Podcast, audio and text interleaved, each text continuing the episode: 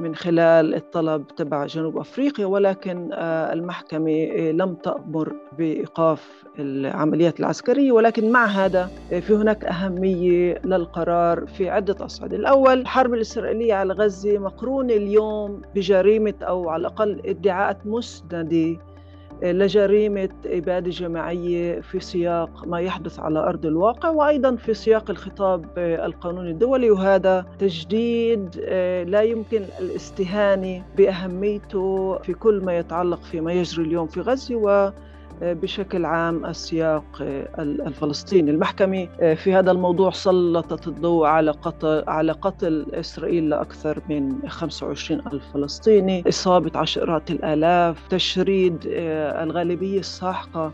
من أهل آه، غزة من بيوتهم وأنه 93% من سكان غزة يواجهون نقص في الغذاء والمجاعة. ما لا يقل أهمية استشهدت بتصريحات أدلى بها وزراء ومسؤولون إسرائيليين اعتبرتها دليل على التحريض والنية في كل ما يتعلق في الإبادة آه، الجماعية. سلامات. معاكم أصالة منصور وأنتم عم تسمعوا بودكاست عدالة. أول إشي بحب أحكي شكرا كثير لكل اللي تبرعوا العدالة من ضمن حملة التبرعات الجماهيرية اللي أطلقها المركز. رح نمدد الحملة ليوم السبت عشان ابتداء من اليوم في عنا متبرع اللي رح يضاعف كل مبلغ رح يتم التبرع فيه. يعني إذا أنتم بتتبرعوا ب 100 شيكل الجهة بتتبرع ب 200 عقبالها فتأثيركم بيكون له الضعف. بتقدروا تلاقوا رابط التبرع في وصف الحلقة. إذا بدكم تعرفوا أكثر عن عمل عدالة بتقدروا تزوروا موقعنا الإلكتروني الموجود في وصف الحلقة. وزي كل مرة تنسوش تتابعوا بودكاست عدالة على تطبيقات البودكاست أو عبر موقع 48 لحلقات جديدة. The court considers that, with regard to the present situation, Israel must, in accordance with its obligations under the Genocide Convention, in relation to Palestinians in Gaza, take all measures within its power to prevent the commission of all acts within the scope of Article 2 of the Convention in particular. يوم الجمعة الماضي أصدرت محكمة العدل الدولية قرارها المستعجل بشأن طلب جنوب أفريقيا بإصدار تدابير مؤقتة في قضيتها اللي رفعتها ضد إسرائيل بتهمة ارتكاب جريمة الإبادة الجماعية في غزة شفنا العديد من ردود الأفعال واللي كانت متنوعة بعضها بأيد قرار المحكمة واعتبره انتصار. الآخر شاف إنه قرار المحكمة جيد ويشكل نقطة بداية بس مش كافي. والآخر أصلا بعولش على القانون الدولي واعتبره فشل ذريع لإيش تبقى أصلا من القانون الدولي والمجتمع الدولي والإنسانية حتى. طلعت أصوات فلسطينية وعربية وبالذات من غزة اللي كان عندهن أمل ولو صغير بأنه المحكمة رح تصدر قرار حاسم بوقف العدوان على القطاع. حتى لو كانوا فاهمين داخليا وضمنيا إنه هذا القرار مش عن جد بشكل فعلي رح يوقف الحرب.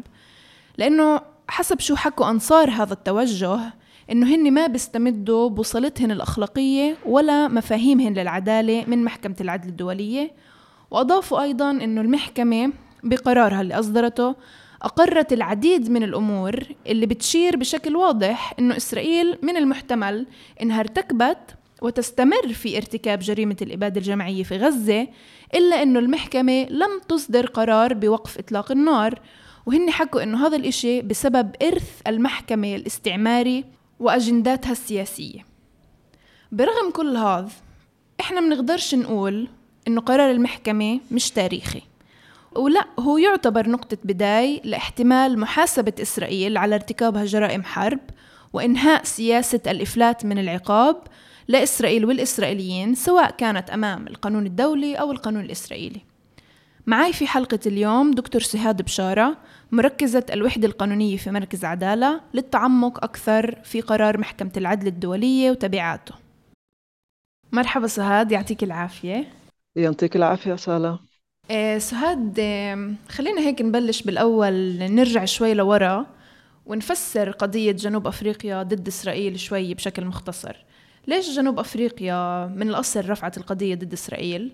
وشو الفرق بين محكمة العدل الدولية ومحكمة الجنايات الدولية؟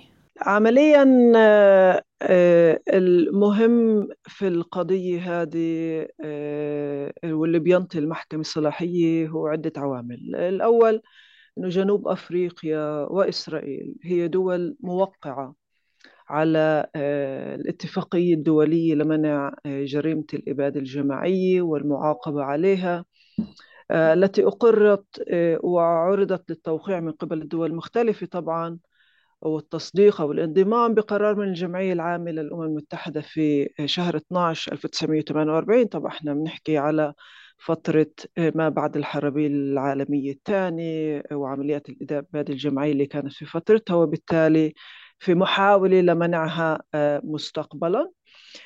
هلأ الاتفاقية بتعرف طبعا الإبادة الجماعية كجريمة وفق القانون الدولي والدول الموقعة تتعهد بمنعها والمعاقبة عليها.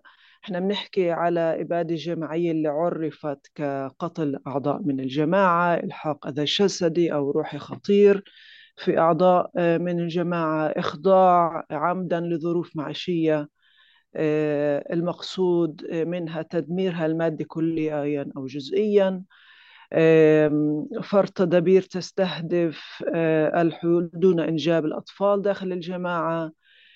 وإلى آخره المرتكبة عن قصد التدمير الكلي أو الجزئي لجماعة اللي معرفة قوميا اثنيا عرقيا أو دينيا بصفتها كهذه طبعا.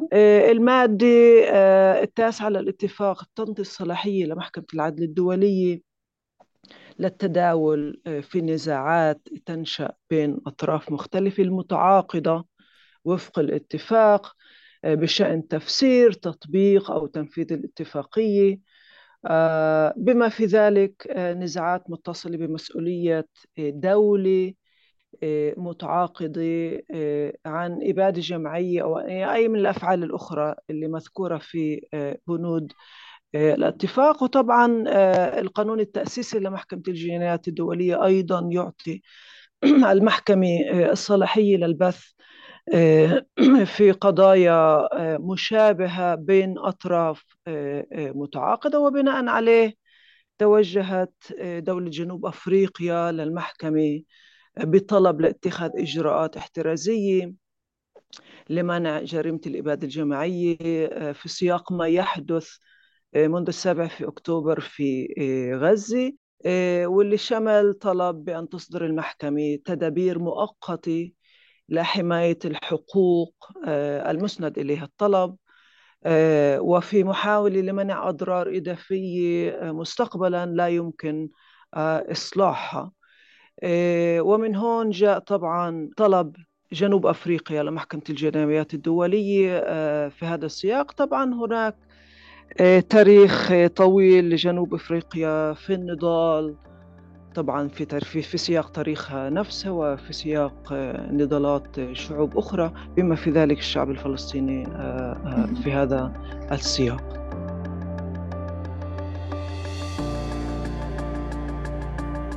هلأ في كل ما يتعلق في الاختلاف أو الفرق ما بين محكمة العدل الدولي ومحكمة الجنايات الدولية هناك اختلاف كبير.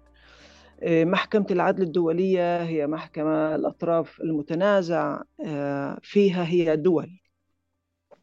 وبالتالي أي قرارات تصدرها هي قرارات ملزمة لدول لمؤسسات الدولة. بينما محاكمة الجنايات الدولية هو محاكمة تحاكم أفراد على دورهم أو جرائم ارتكبوها واللي معرفة وفق معاهدة روما أو دستور روما كجرائم حرب أو جرائم ضد الإنسانية. وإحنا بنحكي على أطر قانونية مختلفة تماما كمان من ناحية الإجراءات كمان من ناحية الجهاز القضاء اللي بنحكي عليه كمان من ناحية الإثباتات وطريقة إدارة الملفات والاتهامات. في هذا السياق محكمة الجنايات الدولية إحنا بنحكي على أشخاص اللي يدانوا ويعاقبوا على أفعالهم ودورهم الشخصي المحكمة العدل الدولية كمان مرة بتحكي على دور مؤسسات دولية أو دول عمليا وهو سياق مختلف م. تماما يعني. طب سهاد بدي أرجع شوي هيك لموضوع الصلاحية اللي أنت ذكرتيه آه، والمحكمة فعلا بالجلسة الأولى اللي التداول أو بالجلسة قراءة القرار هي أقرت أنه هي فعلا عندها الصلاحية أنها هي تبت وتنظر في هاي الدعوة. آه، شفنا ردود فعل من وسائل الإعلام الإسرائيلية بتحكي أنه هذا القرار آه، كان لغته كارثية بس مضمونه ممتاز شفنا جمعيات فلسطينية عم بتحاول تقلب آه، تغير الخطاب اللي عم بدور حوال آه، هذا القرار من وسائل الإعلام الإسرائيلية ومن مسؤولين الإسرائيليين بأنه لا هذا قرار كارثي بالنسبة لإسرائيل. وإنه أول مرة إسرائيل عمال تتحاكم يعني فعليا بالقانون الدولي. شو كان موقف عدالة من من قرار محكمة العدل الدولية؟ يعني طبعا بعد إصدار القرار كان في هناك الكثير من آه، التعليقات آه، حول القرار آه، إشي أشهد فيه إشي قال مش كافي وطبعا كل شيء ذكرتيه صحيح في هذا السياق في كل ما يتعلق في التعقيبات اللي جاءت من بعد القرار. ولكن في اعتقادي أنه بدون شك يعني القرار يزود الفلسطينيين ودول العالم يعني آه، بشكل أوسع بأدوات آه، للعمل من أجل إيقاف استمرار الجرائم المرتكبة آه، أو تشكيلها وفق الاتفاق الدولي. هلأ إحنا طبعا مش بحاجة نذكر الأزمة الإنسانية وعملية الإبادة المستمرة منذ السابع والأكتوبر وهذا هو المركز والمحور في أساس طلب جنوب أفريقيا وفي أساس آه، قرار آه، المحكمة. وهذا اللي إحنا بحاجة نقيم قرار المحكمة آه، بناء عليه. ومن هون باعتقادي لقرار المحكمة أهمية كبرى في عدة أصعدة. مع أنه طبعا لم يأمر بإيقاف العمليات العسكرية التي ممكن أن تكون لأسباب عديدة ما بدي أفوت وخوض فيها آه، آه، حاليا. وهذا كان الطلب الأول آه، من خلال الطلب تبع جنوب أفريقيا. ولكن المحكمة لم تأمر بإيقاف العمليات العسكرية. ولكن مع هذا في هناك أهمية للقرار في عدة أصعدة. الأول أنه الحرب الإسرائيلية على غزة مقرونة اليوم بجريمة أو على الأقل ادعاءات مسندة لجريمة إبادة جماعية في سياق ما يحدث على أرض الواقع وأيضا في سياق الخطاب القانوني الدولي وهذا آه، آه، تجديد آه، لا يمكن الاستهانة بأهميته في كل ما يتعلق فيما يجري اليوم في غزة وبشكل عام السياق الفلسطيني. المحكمة في هذا الموضوع سلطت الضوء على قتل على قتل إسرائيل لأكثر من 25 ألف فلسطيني إصابة عشرات الآلاف تشريد آه، الغالبية الساحقة آه، من أهل آه، غزة من بيوتهم وأنه 93% من سكان غزة يواجهون نقص في الغذاء والمجاعة. وما لا يقل أهمية استشهدت بتصريحات أدلى بها وزراء ومسؤولون إسرائيليين اعتبرتها دليل على التحريض والنية في كل ما يتعلق في الإبادة آه، الجماعية وطبعا دعت إسرائيل للتحقيق في آه، هذا السياق. وهون العملية المحكمة وجدت أساس محتمل بأنه الإبادة الجماعية في لغة قانونية آه، المزعوم اللي ارتكبتها إسرائيل وإخفاقاتها قادرة على الوقوع. يعني هون في أساس قانوني متين في هذا السياق بموجب اتفاقية الإبادة الجماعية آه، حق الفلسطينيين في غزة كمجموعة محمية آه، وخطر حقيقي ووشيك من المساس بالحقوق بشكل لا يمكن إصلاحه كما يتضح من تقارير الأمم المتحدة عن الكارثة الإنسانية في غزة. طبعا هذا لا يشير آه، إلى ما سوف تحكم المحكمة مستقبلا في قضية عرض بعد عرضها بشكل كامل آه، الأمر اللي ممكن يستغرق آه، سنوات. الأهمية الثانية اللي تكمن في أمر المحكمة في اعتقادي أنه هو أمر ملزم قانونيا لإسرائيل. طبعا نحن بنعرف أنه إسرائيل أخذت دور فعال في قرار المحكمة ويتعين عليها اتخاذ إجراءات ملموسة وجدية للتخفيف عن الوضع الإنساني الكارثي واستعادة الظروف التي تمكن العيش في غزة يشمل ذلك السماح بإدخال الغذاء والماء المساعدات الطبية الوقود وغيرها. من الضروريات الإنسانية لغزة ولسكان غزة بدون ولا أي تأخير بشكل فوري بدون قيود تعسفية على كميات وأنواع المساعدات. وهذا طبعا جانب في غاية الأهمية في كل ما يتعلق فيما يجري آه، على أرض الواقع في غزة. الأمر الثالث أو الجانب الثالث آه، اللي آه، مهم في هذا السياق هو حث حث الدول الثالثة. أولا الاعتراف بخطورة الوضع في غزة وتبعات أمر المحكمة والحث على الامتثال له من قبل دول العالم.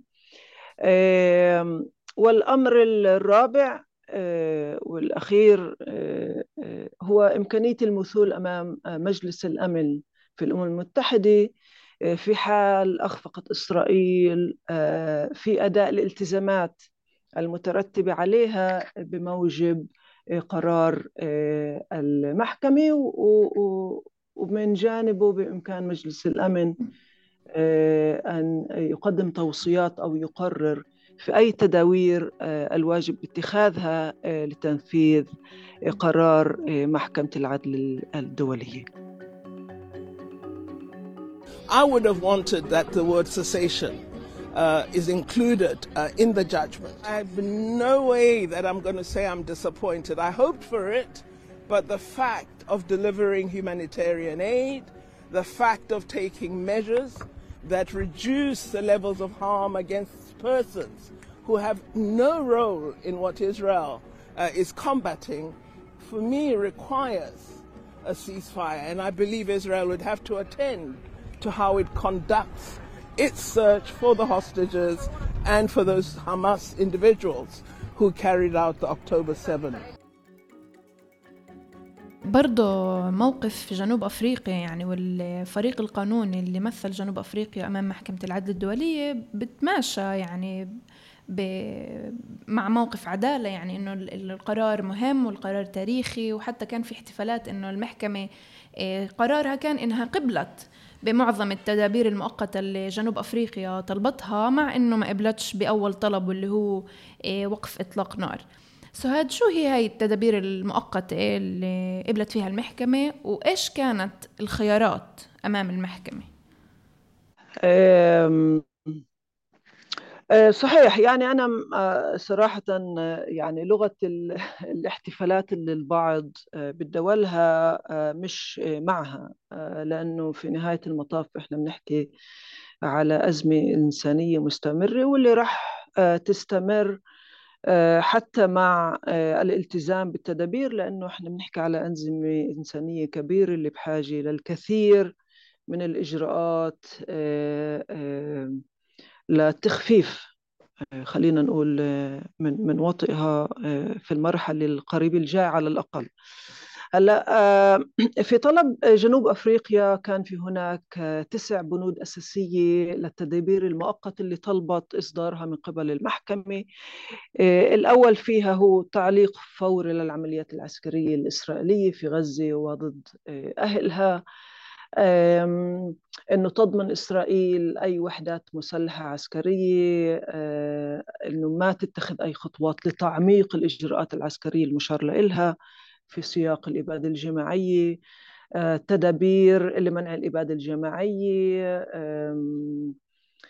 آه، وتعريفاتها آه، في الاتفاقية الدولية وتدابير لمنع تدمير الأدلة المتعلقة في الإبادة الجماعية وغيرها ما بدي أسردها كلها. هلأ المحكمة أصدرت أمرها في ست تدابير مؤقتة. الأول كان أنه على دولة إسرائيل أن تتخذ آه، وفقا لالتزاماتها طبعا بموجب الاتفاقية الدولية لمنع جريمة الإبادة الجماعية. فيما يتعلق بالفلسطينيين في غزة جميع التدابير اللي في حدود سلطتها لمنع ارتكاب جميع الأعمال التي تدخل في نطاق تعريف الإبادة الجماعية. على الأخص طبعا قتل التسبب في ضرر جسدي عقلي خطير لأعضاء السكان في غزة. فرض ظروف معيشية عمدا يقصد بها تدمير المادي كلي أو جزئي. تدابير منع الولادات وغيرها الأمر الثاني أنه على دولة إسرائيل أن تضمن فوريا عدم قيام جيشها بارتكاب أي أعمال موصوفة كأعمال إبادة جماعية وفق الاتفاق على دولة إسرائيل. وهذا الأمر الثالث اتخاذ جميع التدابير لمنع ومعاقبة التحريض المباشر والعلني على ارتكاب إبادة جماعية فيما يتعلق في الفلسطينيين في قطاع غزة. وهنا تجدر الإشارة أن القاضي باراك المعين من قبل إسرائيل في محكمة الجنايات الدولية تخصيصا في هذه القضية انضم لهذا الجانب من القرار الأمر الرابع كان أنه على إسرائيل اتخاذ تدابير فورية وفعالة لتوفير الخدمات الأساسية والمساعدات الإنسانية لمعالجة الظروف المعيشية الكارثية عمليا اللي يواجهها الفلسطينيين في قطاع غزة. وهون كمان القاضي براك انضم وممكن لقدام نحاول نتطرق ليش القاضي براك انضم للبندين هدول. الأمر الخامس على إسرائيل اتخاذ التدابير لمنع التدمير وضمان الحفاظ على الأدلة المتعلقة بالإدعاءات بارتكاب أفعال ضمن نطاق المعاهدة الدولية لمنع الإبادة الجماعية. والأخير هو أنه على دولة إسرائيل تقديم تقرير للمحكمة بشأن جميع التدابير المتخذة لتنفيذ أمر المحكمة خلال شهر واحد من تاريخ إصدار الأمر. فبالتالي هذا نطاق المركبات المختلفة للقرار اللي أصدرته المحكمة. إحنا بنحكي على مركبات عينية جدا اللي من الصعب يكون على إسرائيل تجاهلها بشكل تام. طبعا الدول المختلفة في كل ما يتعلق في تعاونها مع إسرائيل أو عدم تعاطيها مع الكارثة الإنسانية في غزة. برضو من من ضمن كثير أشياء أقرت فيها المحكمة أقرت كمان أنه العديد من المسؤولين الإسرائيليين الكبار زي رئيس الوزراء ووزير الدفاع قاموا بتصريحات اللي المحكمة اعتبرتها هي بتدخل ضمن أو بتثبت الركن المعنوي لإقامة جريمة الإبادة الجماعية واللي هو النية على ارتكاب هاي الجريمة. ما وزن إقرار محكمة العدل الدولية بأنه في مسؤولين إسرائيليين كبار أدوا أدلوا بتصريحات اللي هي بتعبر عن نية في ارتكاب جريمة الإبادة الجماعية. صحيح أصالة يعني القرار بيشير بشكل واضح إلى تصريحات اللي اقتبست في غالبيتها في القرار تثبت على الأقل بشكل أولي انخراط مسؤولين إسرائيليين وزراء ومسؤولين آخرين في التحريض على عمليات إبادة جماعية في غزة. هذا عامل مهم في إثبات أي جريمة كان بالحري جريمة إبادة جماعية أو اتهامات في القيام في جريمة إبادة جماعية بما في ذلك التحريض عليها واللي هو عامل أساسي في أي مخالفة جنائية في أي إطار قانوني إذا كان محلي وإذا كان دولي هناك حاجة لإثبات واحد من الأسس للجريمة وهو النية. إنه الشغلات ما صارت محض الصدفة كان في هناك نية وفي هناك إثباتات على وجود نية لارتكاب جرائم. كمان مرة بدي أرجع وأشير أنه هذا ليس بالضرورة مؤشر على ما يمكن أن تقرره محكمة العدل الدولية في نهاية الإجراء. هي مهمة لهذه المرحلة لاتخاذ التدابير المؤقتة وقرار المحكمة في هذه المرحلة ولكن في المرحلة القادمة اللي هي المرحلة الأصعب اللي ممكن أن يعني تستمر السنوات. هناك يجب التعاطي مع جميع مركبات المخالفة الجنائية. بما في ذلك هناك نية إسرائيلية لارتكاب الجريمة في سياق ما يحدث اليوم في غزة. السهاد زي ما ذكرتي أنت أنه المحكمة أعطت مهلة لإسرائيل بأنها تقدم تقرير آه، خلال شهر بكيف هي آه، التزمت بهاي التدابير وشو الإجراءات اللازمة اللي أخذتها لحماية المدنيين وإدخال المساعدات وما إلى ذلك. إيش إحنا بنقدر نتوقع بعد شهر من اليوم؟ وكمان لقدام شو بعد إحنا بنقدر نتوقع من محكمة العدل الدولية خصوصا إنه في أصوات اللي هي عم تحكي إنه إحنا مش لازم نوقف هون ولازم عن جد نوقف إنه إسرائيل تمثل أمام هاي أمام هذا القرار اللي أصدرته المحكمة وتلتزم بهاي بهاي الإجراءات. إيش إحنا ممكن نتوقع؟ يعني شوفي بدون شك آه، يعني مفاد الطلب أو آه، جزئية الأمر في إنه إسرائيل تقدم تقرير بعد شهر أو خلال شهر للمحكمة هو فحص مدى التزام إسرائيل والإجراءات اللي اتخذها اتخذتها من أجل تنفيذ قرار أو أمر المحكمة في جميع جوانبه اللي ذكرت. منها طبعا آه، الأزمة الإنسانية والسماح لدخول مساعدات إنسانية للتخفيف من الأزمة آه، في غزة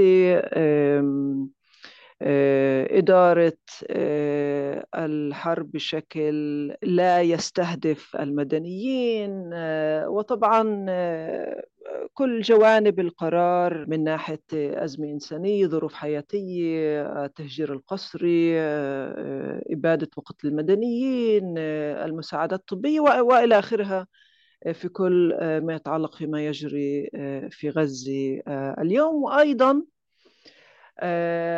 جانب اللي كان مهم في هذا السياق وهو مهم جدا في اعتقادي هو آه، كل ما يتعلق في التدابير الإسرائيلية القانونية الداخلية آه، في كل ما يتعلق في آه، تصريحات مسؤولين ووزراء في كل ما يتعلق في الإبادة الجماعية أو التحريض عليها. هلأ مهم الإشارة في هذا السياق أنه في أعقاب توقيعها على الاتفاق سنة إسرائيل في عام 1950 قانون منع جريمة الإبادة الجماعية والمعاقبة عليه هو قانون عمليا يتبنى تعريف الإبادة الجماعية آه، وفق الاتفاق الدولي آه، إلى داخل القانون الإسرائيلي. هلأ آه، في خطوة استباقية في اعتقادي مش بالصدفة صرحت المستشارة القضائية للحكومة قبل أيام من إصدار قرار المحكمة بأنه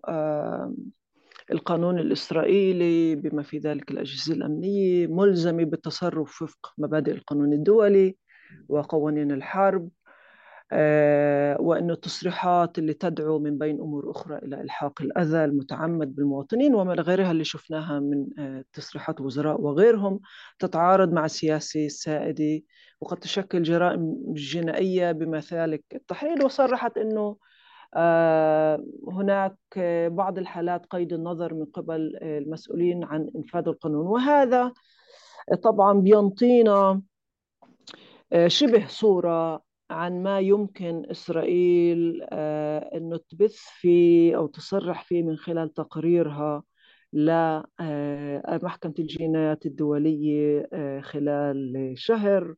آه، طبعا موقفها آه، منذ بداية الحرب أنه هي تعمل وفق القانون الدولي وهذا طبعا غير صحيح ومخالف آه، لما تفعله على أرض الواقع. ولكن ستكون هناك محاولة لتبرير ما يحدث لتبرير إدارة الحرب بالطريقة اللي تديرها إسرائيل منذ السابع من أكتوبر ولتبرير عدم التحقيق في التحريض على جريمة الإبادة الجماعية في غزة من قبل مسؤولين إسرائيليين ليس بشكل جارف ولكن يعني تصريح المستشار القضائي للحكومة بينطينا إمكانية أنه نتوقع أنه راح تكون هناك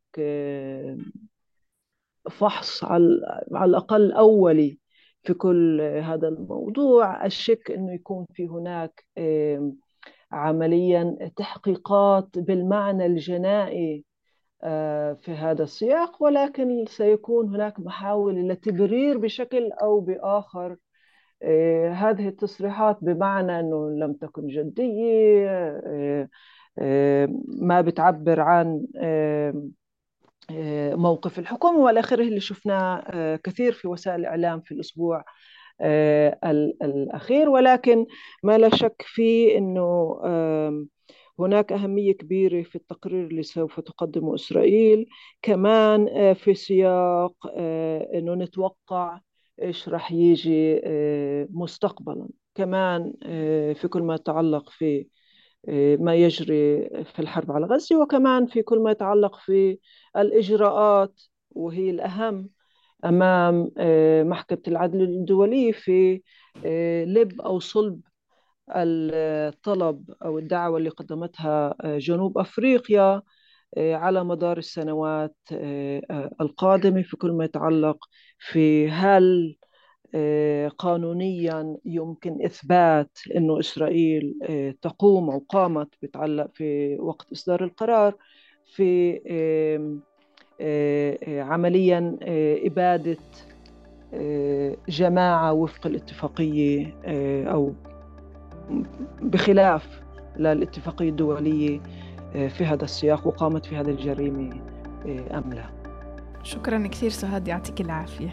يعطيك العافية.